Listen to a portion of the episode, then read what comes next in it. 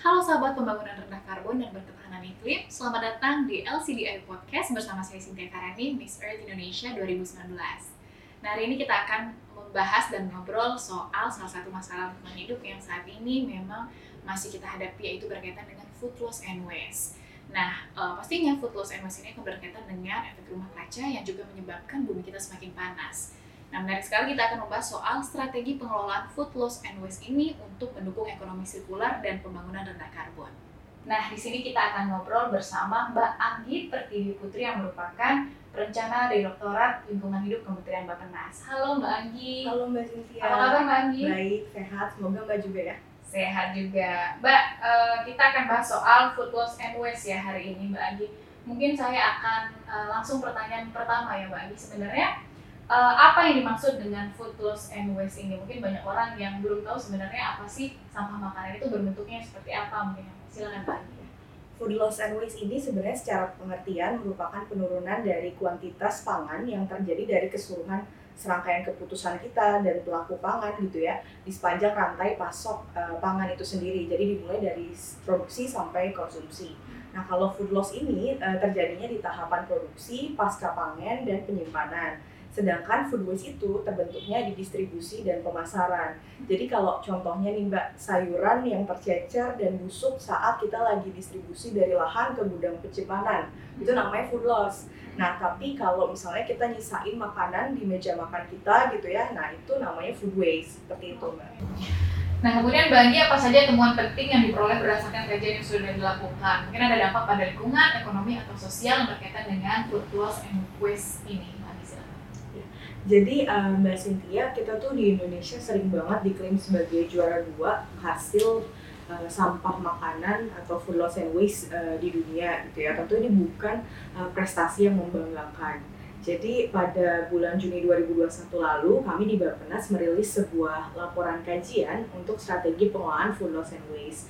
Dan kajian ini kami susun bersama dibantu oleh UKAID, WRI Indonesia, dan juga oleh Waste for Change dari hasil kajian kami dan perhitungan kami ternyata kita nggak nyampe tuh juara dua atau uh, apa waktu itu klaimnya 300 uh, kg per kapita per tahun.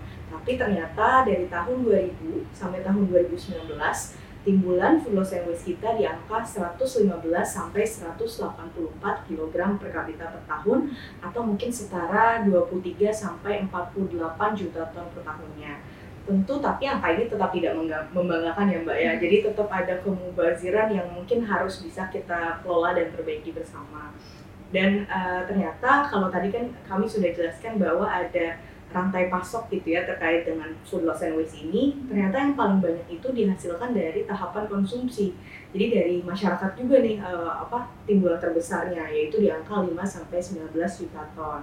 Nah kalau kita zoom in lagi terkait dengan uh, jenis pangan jenis pangan yang paling tinggi dihasilkan atau paling terbesar food loss and waste-nya itu ternyata ada di tanaman padi-padian.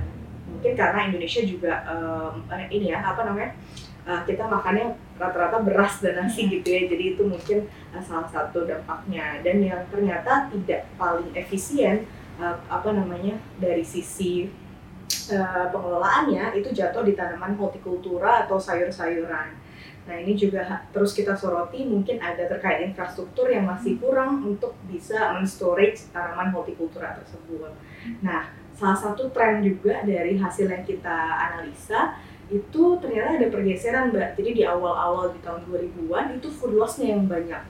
Tapi ternyata makin ke sini food waste-nya yang makin tinggi. Jadi ini menunjukkan dari sisi konsumen sendiri sebenarnya uh, ada apa namanya ada pergeseran di mana kita mungkin lebih uh, banyak mengkonsumsi dan banyak mubazirnya juga.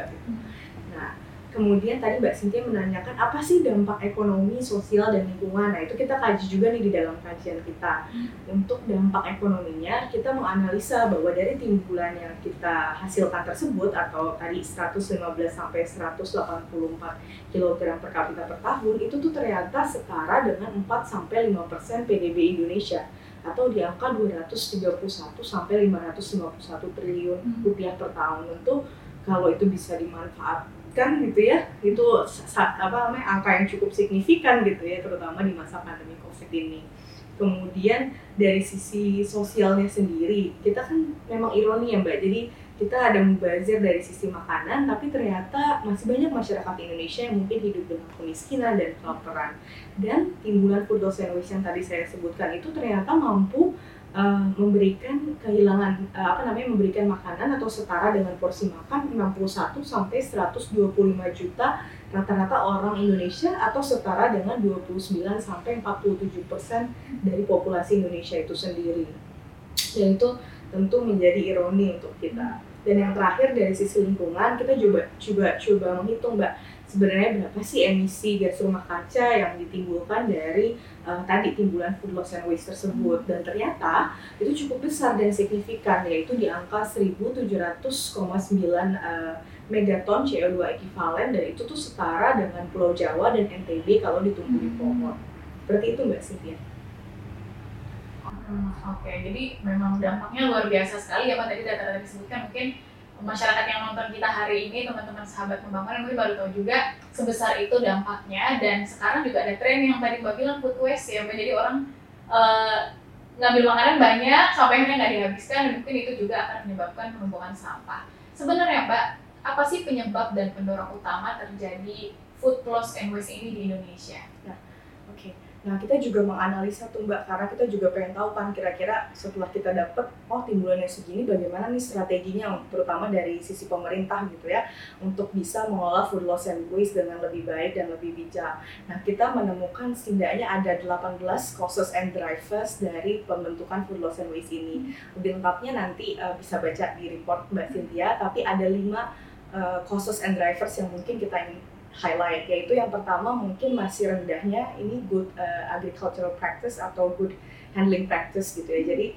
mungkin banyak yang belum terinformasi uh, baik dari pelaku pangan misalnya petani dan lain sebagainya atau nelayan terkait bagaimana cara mengelola uh, bahan pangan tersebut gitu ya. Jadi masih minim uh, pengetahuan. Kemudian yang kedua terkait dengan rendahnya sarana prasarana logistik pangan. Ini uh, mungkin juga tadi saya menyebutkan perlunya uh, cold storage atau ruang pendingin biar sayur lebih tahan lama dan lain sebagainya. Nah itu ternyata masih belum merata mungkin di seluruh Indonesia. Mungkin kalau untuk Jawa masih relatif sudah stabil gitu ya. Kemudian yang ketiga masih relatif panjang dan uh, rendahnya efisiensi dari rantai nilai bahan pangan. Ini mungkin transportasi bahan pangan yang jauh dari ujung ke ujung dan lain sebagainya.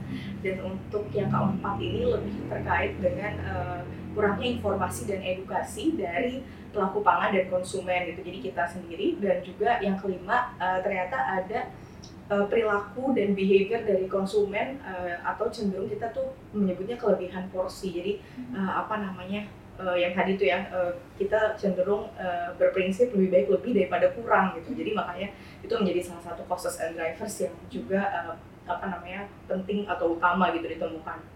Dan bagi gimana strategi yang bisa diimplementasikan untuk mengelola food loss and waste ini? Jadi uh, dari hasil kajian kami selain tadi data timbulan dan dampaknya terhadap ekonomi lingkungan sosial, kami juga coba merumuskan mbak apa sih strategi-strategi yang perlu dilakukan untuk mengelola food loss and waste di Indonesia dan strategi ini tidak hanya mungkin bagi dari sisi pemerintah gitu ya, tapi juga dari sisi uh, apa namanya pelaku usaha, industri, pelaku pekerja pangan dan juga non state actor itu juga perlu bahu membahu untuk uh, menyelesaikan isu ini.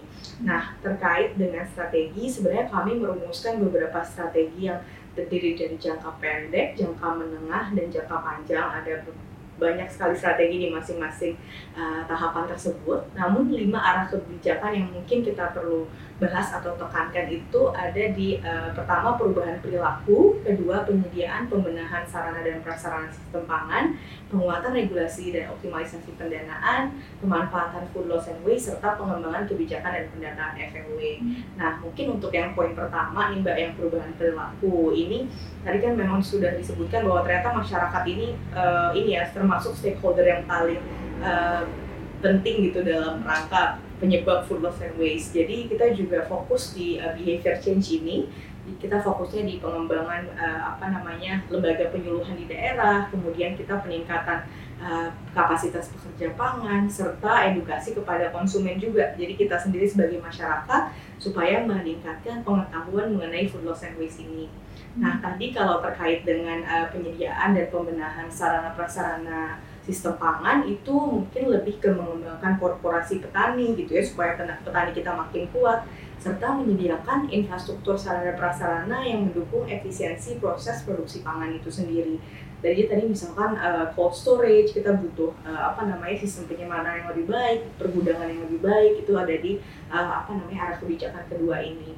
Yang ketiga tadi penguatan regulasi dan optimalisasi pendanaan mungkin kita sudah sebenarnya banyak dari sisi pemerintah mengeluarkan banyak pendanaan gitu ya terkait dengan pengolahan FLW tapi tentu mungkin masih ada beberapa yang mungkin belum belum efektif sepenuhnya jadi kita terus mengoptimalkan supaya pendanaan ini lebih tepat guna dan juga dari sisi uh, regulasinya sendiri kita harus perkuat baik itu di tingkat nasional maupun di tingkat regional atau di pemdanya itu sendiri. Nah, strategi keempat lebih ke pemanfaatan food loss and waste. Jadi uh, ini untuk mendorong pengembangan platform-platform distribusi pangan. Jadi sekarang tuh lagi ngetrend mbak selain bank sampah ada food banks. Jadi teman-teman food banks ini mengumpulkan makanan-makanan misalnya yang berlebih tentunya dari hotel, restoran untuk dibagikan kepada uh, teman-teman yang membutuhkan. Dan juga uh, kemudian kita juga mendukung adanya penanganan food loss and waste uh, dari sisi rumah tangga, misalnya pengomposan dan lain sebagainya. Itu contoh-contoh pemanfaatan food loss and waste. Dan yang terakhir tadi mungkin strategi kelima tentang pengembangan kajian dan pendataan food loss and waste. Jadi kami di Bappenas selalu mendukung evidence based policy. Jadi kami berharap ini studi nasional tapi nanti diperkuat lagi dengan pendataan timbulan food loss and waste di tingkat daerah baik itu provinsi maupun kabupaten kota sehingga nantinya kita bisa uh, dalam merumuskan kebijakan itu menggunakan data-data yang termutakhir. Mungkin itu mbak strategi-strategi yang sudah kita rumuskan. Terima kasih. Nah, sahabat pembangunan, tadi saya dan juga Mbak Ami sudah ngobrol banyak ya soal food loss and waste dan semoga bisa diambil manfaatnya bagi kita semua untuk bisa merealisasikan. Tadi di akhir dikatakan oleh Mbak Anggi bagaimana cara kita sebagai masyarakat Indonesia melakukan aksi untuk mengurangi food loss and waste di Indonesia ini tentunya. Baiklah, saya Cynthia Karani, pamit undur diri. Saksikan serial podcast LCDL Talks lainnya yang inspiring dan bermanfaat.